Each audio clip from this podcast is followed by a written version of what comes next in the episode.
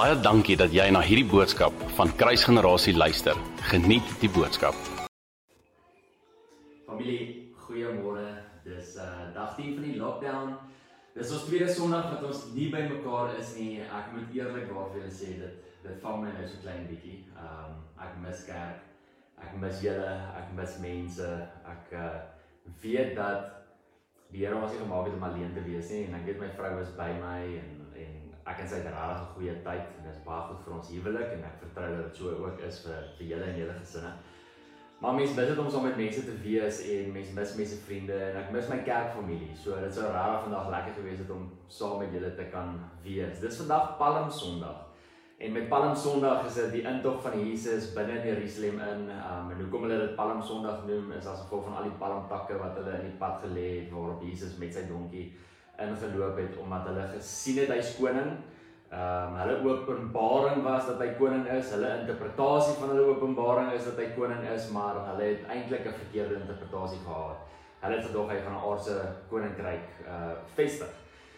En die idee rondom dit is dat uh en dis waar ek so 'n bietjie wil gesels vandag. Is partykeer kry ons openbarings en dat is ons interpretasie van daai openbaring net net heeltemal verkeerd. En hoe kan ons op 'n plek wees waar ons seker maak dat ons ons openbaring en interpretasie daarvan reg is? Want ek sien so baie dat daar mense is wat openbarings kry en openbarings is amazing, maar die oomblik wanneer hulle dit interpreteer, dan gaan dit haywire, dit gaan skeef. En ek gaan gou vir julle 'n voorbeeld gee uit dit uit uit die skrif uit. Behalwe vir die feit dat Palm Sondag 'n baie groot uh, uh voorbeeld is daarvan, is daar nog 'n voorbeeld in die Bybel. En ek wil dit gou met vir julle lees. In Markus 8 vers 27 tot 29 sien ons en Jesus en sy disippels het uitgegaan na die dorpe van Caesarea Philippi en op die pad vra hy sy disippels en sê vir hulle wie sê die mense is hy nou ek weet ons het hierdie al gehoor en ek wil nie jy's oor hierdie gedeelte preek nie ek ek wil pad oor sien so volg my net asseblief en hulle antwoord Johannes die Doper en ander sê Elia en ander sê een of ander profeet en hy sê vir hulle maar julle wie sê julle is ek? En Petrus antwoord en sê vir hom u is die Christus. Met ander woorde Petrus kry hierdie openbaring van wie Jesus is en hy sê hierdie openbaring hy sê u is die Christus. Nou hierdie is in Markus 8, maar as ons gaan kyk in Matteus 16, dan sien ons dat Jesus hom antwoord en vir hom sê: "Geseënd is jy, Petrus, want vlees en bloed het hier nie aan jou geopenbaar nie." Met ander woorde, hierdie openbaring wat Petrus kry, is nie 'n openbaring wat hy kry van 'n mens af nie. Dit kom nie van vlees en bloed af nie. Hierdie openbaring kom letterlik van God af, want Jesus sê vir hom: "Maar my Vader wat in die hemel is, het hierdie vir jou gegee." So Petrus kry 'n amazing openbaring. En die openbaring wat hy kry is 'n ware openbaring, is 'n eg openbaring, is 'n is 'n goeie, 'n reg openbaring. As daar teoloë was en hulle moes hom 'n punt gee uit 10 uit, dan het hy 10 uit 10 gekry vir sy openbaring. Die probleem met die openbaring wat Petrus gekry het hier is dat hy dit verkeerd interpreteer. En dis 'n bietjie waar ek wil gesels vandag. Okay, so Petrus ontvang hierdie openbaring en uh in homself dink hy Okay, so almal sê en dis waar Palm Sondag ook gaan. Almal sê dat Jesus die volgende koning moet wees en dat hy gaan kom en dat hy die koninkryk van God gaan vestig. En dan kom Jesus net so 'n bietjie later in Markus 8 vanaf vers 30, 31, 32 praat hy met hulle en hy sê vir hulle dat dit nodig is vir hom om dood te gaan. Dis nodig vir hom om te ly, dis nodig vir hom om om letterlik in 'n graf in te gaan. En dan sê Petrus 'n interessante ding en ek dink julle weet ook wat hy gesê het. Hy sê, ehm um, nee jy jy jy kan nie. Ek ek kan nie toelaat dat jy gaan doodgaan nie. Here, dis verkeerd. Hy kom in opstand daar daarteen. Met met ander woorde, hierdie is wat Petrus dink. Petrus kry die openbaring van Jesus en dat hy die Messias is en in sy interpretasie dink hy by homself dat hy nou koninkryk van vestig en dat hy nou uh hierdie hele Romeinse ryk gaan ontroon en dat sy troon gaan opstaan en in Petrus se interpretasie van sy openbaring wat hy ontvang dink hy by homself Here jy kan nie nou doodgaan nie want as jy nou doodgaan wie gaan dan heers Hoe is dit dan moontlik dat u koning gaan wees? Hoe is dit dan moontlik dat u koninkryk gevestig gaan wees? Dit kan nie moontlik wees vir u om nou dood te gaan nie. En Jesus antwoord hom in 'n baie besonderse manier. En baie mense weet nie hoe om hierdie eerste interpreteer nie. Maar hoor wat sê Jesus vir hom in Markus 8 vers 33. Hy sê, "But when he had turned around and looked at his disciples, dis nou Jesus. Hy hoor wat Petrus sê en hy draai om voor al die disippels en hy kyk vir sy disippels en hoor wat sê Jesus. He rebuked Peter saying, "Get behind me, Satan." Wat 'n klap Petrus se gesig om voor al die disippels en al die mense wat Jesus volg om hierdie rebuke te kan kry om vir om letterlik vergelyk te kan word met Satan. En waar Jesus letterlik vir hom sê, "Kom agter my, Satan." En hoor wat sê hy dan vir hom? Hy sê, "For you are not mindful of the things of God, but the things of men." Met ander woorde familie hoor jy. Petrus kry 'n openbaring. Die openbaring wat hy gekry het is 'n 10 uit 10 openbaring. Hy is reg. Jesus is die Christus maar sy interpretasie daarvan is heeltemal skeef en heeltemal kokkai en dit is waar almal op 'n plek is waar hulle dink, "Kyk, Jesus moet nou letterlik koning word op aarde." Maar Jesus kan nie koning word op aarde nie, want as hy koning word op aarde, dan is daar 'n einde aan sy koninkryk. En daarom het Jesus geweet wat hy moet doen en daarom het Jesus geweet wat gaan gebeur en dis hoekom hy vir hulle sê, hy moet gaan sterf en hy moet gaan ly en hom en hy moet binne 'n graf ingaan. Jesus sê dit vir hulle hoekom want Jesus weet presies as hy nie deur dit gaan nie, volgende Vrydag doen ons dit juis ons fokus op die feit dat Jesus gekruisig is met goeie Vrydag vir volgende Vrydag. En Jesus sê as hy nie deur daai goed gaan nie, dan gaan sy koninkryk nie gevestig word nie. Maar Petrus se interpretasie van hierdie is net heeltemal anders. Familie en vandag se tyd sien ek soveel soveel keer hoe mense besig is om goeders verkeerd te interpreteer. Julle sou gesien het in die 10 dae wat ons in lockdown is, is mense die heeltyd besig met video's. En die mense is die heeltyd besig om goeders te sê. En die mense is die heeltyd goed besig om te sê dit is wat God sê en dit is waartoe ons gaan en dis die dispensasie en dit is wat wat die Heilige Gees met hulle deel. En baie van daai goeders is goed, maar baie van daai goed is nie goed nie. Hoekom sê ek so? Want hulle kry 'n amazing openbaring, maar hulle interpretasie van dit wat hulle sê is net heeltemal verkeerd en heeltemal nie in lyn met wat God se plan is nie. Ek kry nou eendag 'n persoon wat vir my sê, "Ons moet bid want die anti-kris is op pad." Ek sê, "Oké, okay, maar wat moet ek bid? Want die anti-kris moet kom. Die anti-kris moet gebeur. Dis profesie. Dis iets wat Jesus gesê het. So wat moet ek doen? Moet ek nou sê, "Nee, ek bestraf jou anti-kris. Jy mag nie kom nie." Hy moet kom.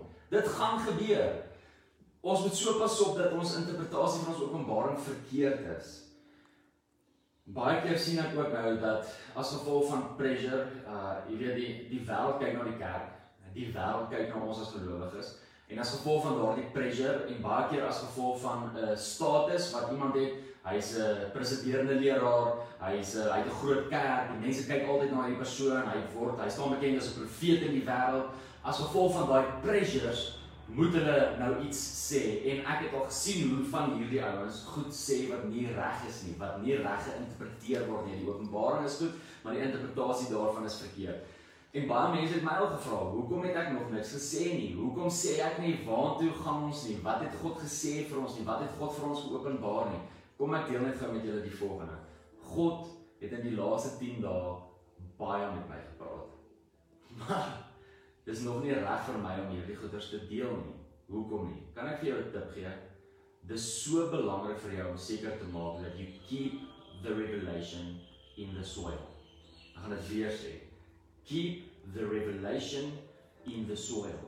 Dis so belangrik vir ons om toe te laat dat hierdie woord, hierdie saad wat geplant word binne in die saad van ons harte, soos wat die die hele parabel gaan oor wat Jesus gepraat het, daai gelykenis van die saaier dit word gesaai binne in ons harte en dit is so belangrik om dat dit binne ons hart sal wees en dat dit sal kan groei. As dit nie groei nie, kan dit nie 'n boom word nie en kan daar nie vrug wees nie. En wat baie mense doen is hulle vat hierdie saad en in plaas daarvan om toe te laat dat hierdie saad binne ingeplant word en dat dit groei, vat hulle hierdie saad en hulle deel dit dadelik en daai saad is nog nie volwasse genoeg vir die openbaring daarvan nie. Die saad kan letterlik nie nou in die son inkom nie anders gaan dit doodgaan. Die saad moet geplant word binne in die grond in. En ek wil jou daarmee bemoedig.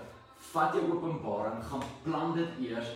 Laat toe dat Heilige Gees jou help om hierdie ding te kultiveer binne in jou hart. Moenie toelaat dat jy te vinnig iets wil sê as gevolg van pressures of dat jy so oorweldig is oor hierdie openbaring dat jy nou net 'n amazing openbaring gekry en nou wil jy hierdie openbaring share nie, laat toe dat hierdie ding binne in die soil van jou hart gekultiveer word, begin groei, begin germinate, regtig sal begin volwasse word sodat dit kan groei binne in 'n 'n plek. In Matteus 13 leer Jesus ons dat ons hart die grond is waarin 'n saad geplant word. Met ander woorde, elke keer as daar 'n woord gespreek word, daar word 'n openbaring gespreek, dan ontvang ons dit binne in ons binne in ons harte. Dis eintlik so interessant dat die woord saad in Matteus 13 wat wat die Here daar gebruik, is die Griekse woord sperma en dit beteken letterlik sperm. Met ander woorde, die woord het letterlik die vermoë om geboorte te gee in jou lewe. As dit geplant word op die regte plek, as dit geplant word binne in jou hart en as jy toelaat dat dit letterlik begin groei binne in jou hart, het hierdie woord, hierdie saad, hierdie sperma het die verantwoordelikheid of die reg of het die die geleentheid om letterlik te kan groei en letterlik geboorte te kan gee aan iets. Maar in daai hele verhaal gee Jesus vir ons drie toestande, drie dinge wat maak dat saad nie groei nie. En ek wil net vir daai drie goedjies met jou deel. Die eerste een vind ons in Matteus 13 vers 9. Jesus sê die eerste ding wat maak dat 'n saad nie groei nie is as jy nie verstaan nie.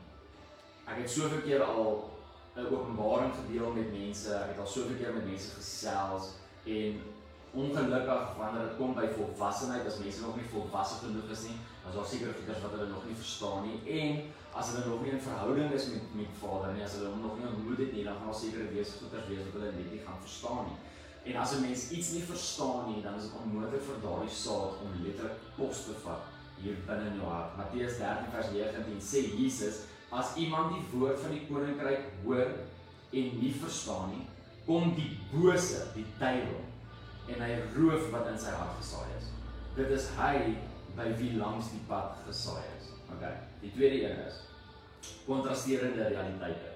En julle sal onthou ek het in die begin van die jaar in Januarie het ek gepreek gepreek oor kontrasterende realiteite. Dit beteken dit is letterlik wanneer daar wanneer daar 'n woord kom, daar kom 'n openbaring, jy is opgewonde oor die oor hierdie openbaring, maar jy kom by die huis of jy kom by die werk of jy gaan aan met jou lewe en dit wat die woord gesê het en dit wat in jou lewe aangaan is heeltemal kontrasterend teenoor mekaar en jy laat toe dat die kontrasterende realiteit dit oorheers. Met ander woorde, kom ek gee 'n voorbeeld voordat ons baie gebruik, maar kom ons sê byvoorbeeld die woord van God sê deur sy wonde is jy genees. So nou ontvang jy hierdie woord, men maar jy siek. En jy staan op hierdie woord, maar jy siek. En jy bid hierdie woord, maar jy bly siek. En jy gaan dokter toe en die dokter sê vir jou hierdie is die hierdie is die fout, hierdie is die fout, hierdie is die fout, hierdie is die fout. En ewe skielik is daar 'n kontrasterende realiteit. Die woord sê jy's gesond, maar jou liggaam sê vir jou jy's jy's siek. En en as gevolg van dit kan baie mense toelaat dat hierdie kontrasterende realiteit, hierdie ander omstandighede maak dat hierdie saad gesteel word. Jy staan nie meer op dit wat die woord sê nie. So kontrasterende realiteite, dit steel mense openbaar. Ek het ook nou daag oor gesels met Johannes die doper wat in die tronk is en dit 'n kontrasterende realiteit is en dit sê openbaar gesteel het van wie Jesus is. Dan die die derde een, hierby wil ek net 'n bietjie stil staan, want hierdie is letterlik waar Petrus is op hierdie oomblik. Die derde ding wat saad steel is ander saad. OK? Ander saad steel die saad van God. Met ander woorde, Matteus 13 vers 22 sê en by wie in dorings gesaai het. Hy stop net daar. Wie in dorings gesaai het. Dorings praat van die produk van ander saad. Met ander woorde, daar's iets binne in my hart. Daar's iets binne in my gedagtes wat klaar daar heers en as gevolg daarvan kom daar nou 'n nuwe saad in, daar kom 'n nuwe gedagte in, maar ek het reeds 'n gedagte. Soos byvoorbeeld, God is my Vader. Um en God is die perfekte Vader. Maar nou het ek nog nooit die voorreg gehad om om 'n perfekte Vader te ontmoet nie en niemand van ons sal ooit 'n perfekte Vader ontmoet nie. So as gevolg van die raamwerk wat ek het van 'n aardse Vader, kom hierdie openbaring van God is perfekte Vader binne my hart in, maar ek het 'n raamwerk van 'n aardse Vader wat dit dalk gemis het, wat dalk verkeerde keuses gemaak het. En as gevolg van daai raamwerk word die openbaring van God is perfekte Vader heeltemal ge gedooi. Hierdie ander saad oorweldig dit. Hierdie ander dorings kom letterlik om die woord en smoor die woord. Daar's 'n produk van 'n ander saad. En dit is presies waar Petrus is op hierdie oomblik. Hy kry 'n openbaring van Jesus en hy weet hierdie openbaring is reg, maar daar's ander saad binne in sy lewe. Wat is die ander saad? Die ander saad is die volgende: dat hy dink in sy eie manier en as gevolg van wat almal gesê het, dat Jesus letterlik nou moet koning wees. En as gevolg daarvan, as gevolg van al hierdie ander saad, smoor dit sy openbaring en daarom bestraf hy vir Jesus. Daarom sê hy vir Jesus: "Nee Here, jy kan nie nou doodgaan nie." Dis 'n produk van 'n ander saad. Ons kan nie toelaat dat ons gedagtes en ander saad die openbaring van God smoor nie. Dit is hoekom ek sê, keep it in the soil. Dit is so belangrik om die openbaring binne in jou hart te los en toe te laat. Vra vra die Heilige Gees. He's the best gardener.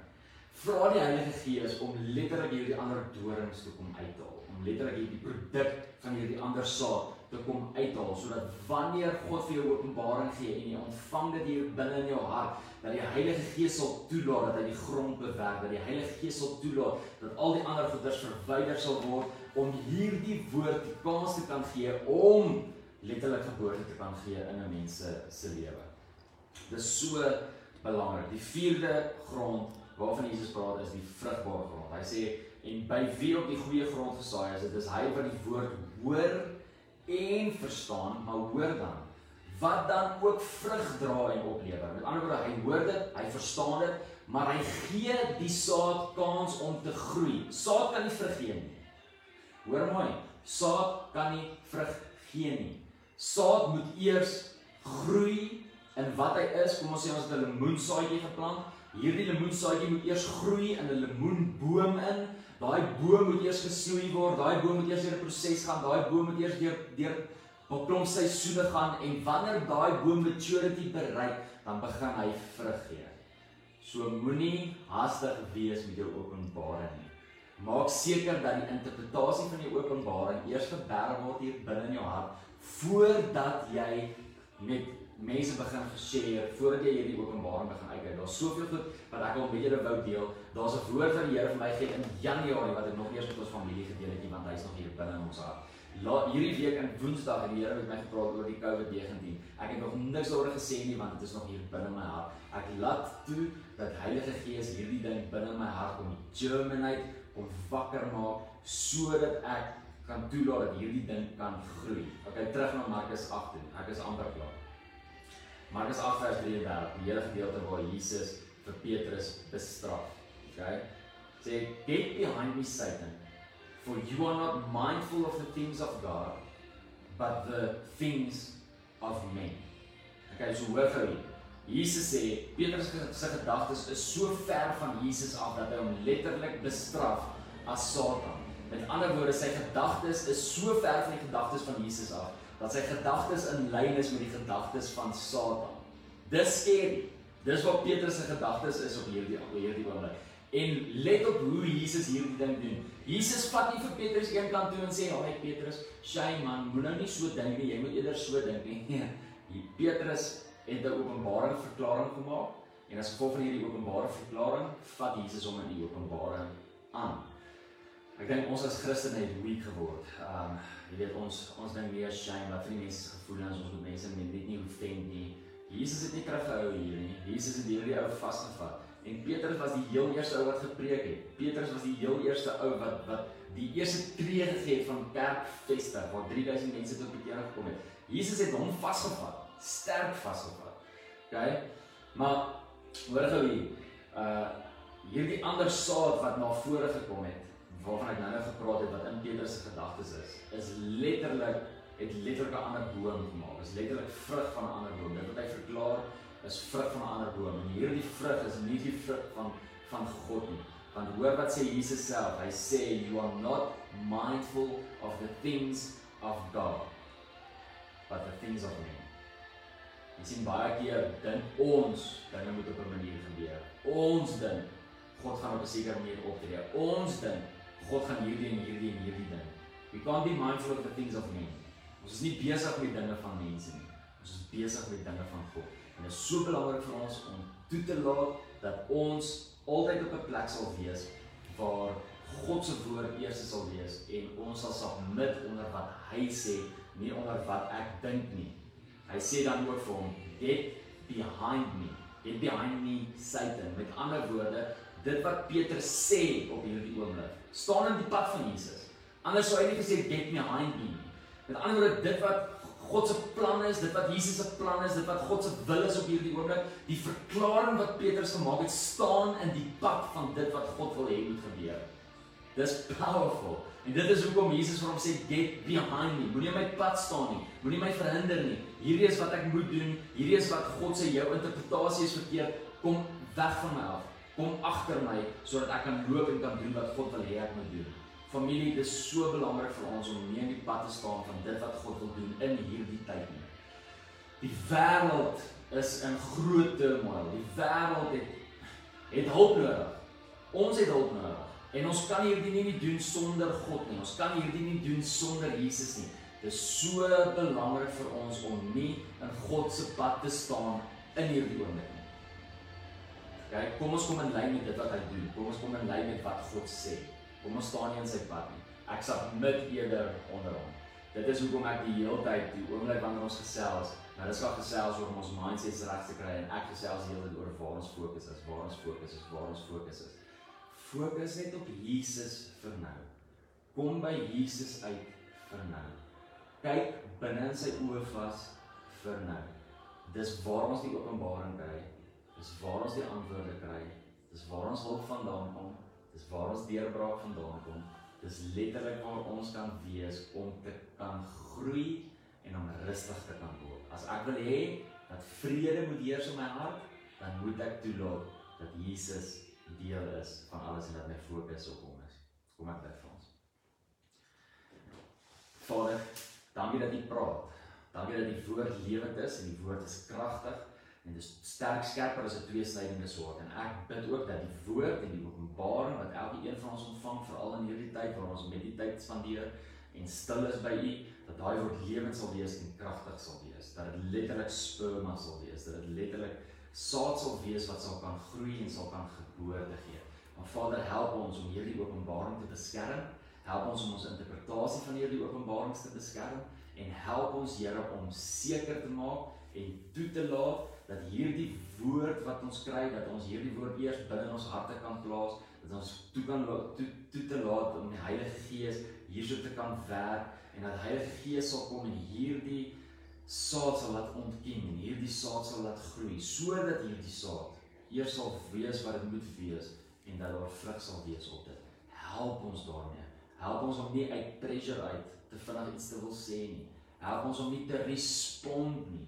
Maar mag ons die hele tyd sê wat uit u mond uitkom. Mag ons die hele tyd sê wat in u hart is. En dit is hoekom ons u ons die hele tyd terugroep. En ons fokus net terugbring by u en ons fokus net tot terug, ons oë terug op u die volëinder van ons geloof. So Here, dankie dat ek kan bid vir vrede vir elke persoon wat hierna kyk nou in die naam van Jesus, bo natuurlike vrede. U is die een wat voorsien. U is die een wat deurbraak gee. U is die een wat saam met ons is. Here, U is die een dat even though we are surrounded, we are with you. Fear will not conquer us because you already have. En ek bid in die naam van Jesus dat ons op u realiteite sal staan. Dat ons op u woord sal staan. Want u woord staan vir ewig. Dit sal nooit weggaan. En ons eer u daarvoor in die naam van Jesus. Ons geluister het. Indien jy die boodskap geniet het, deel hom asseblief met jou vriende.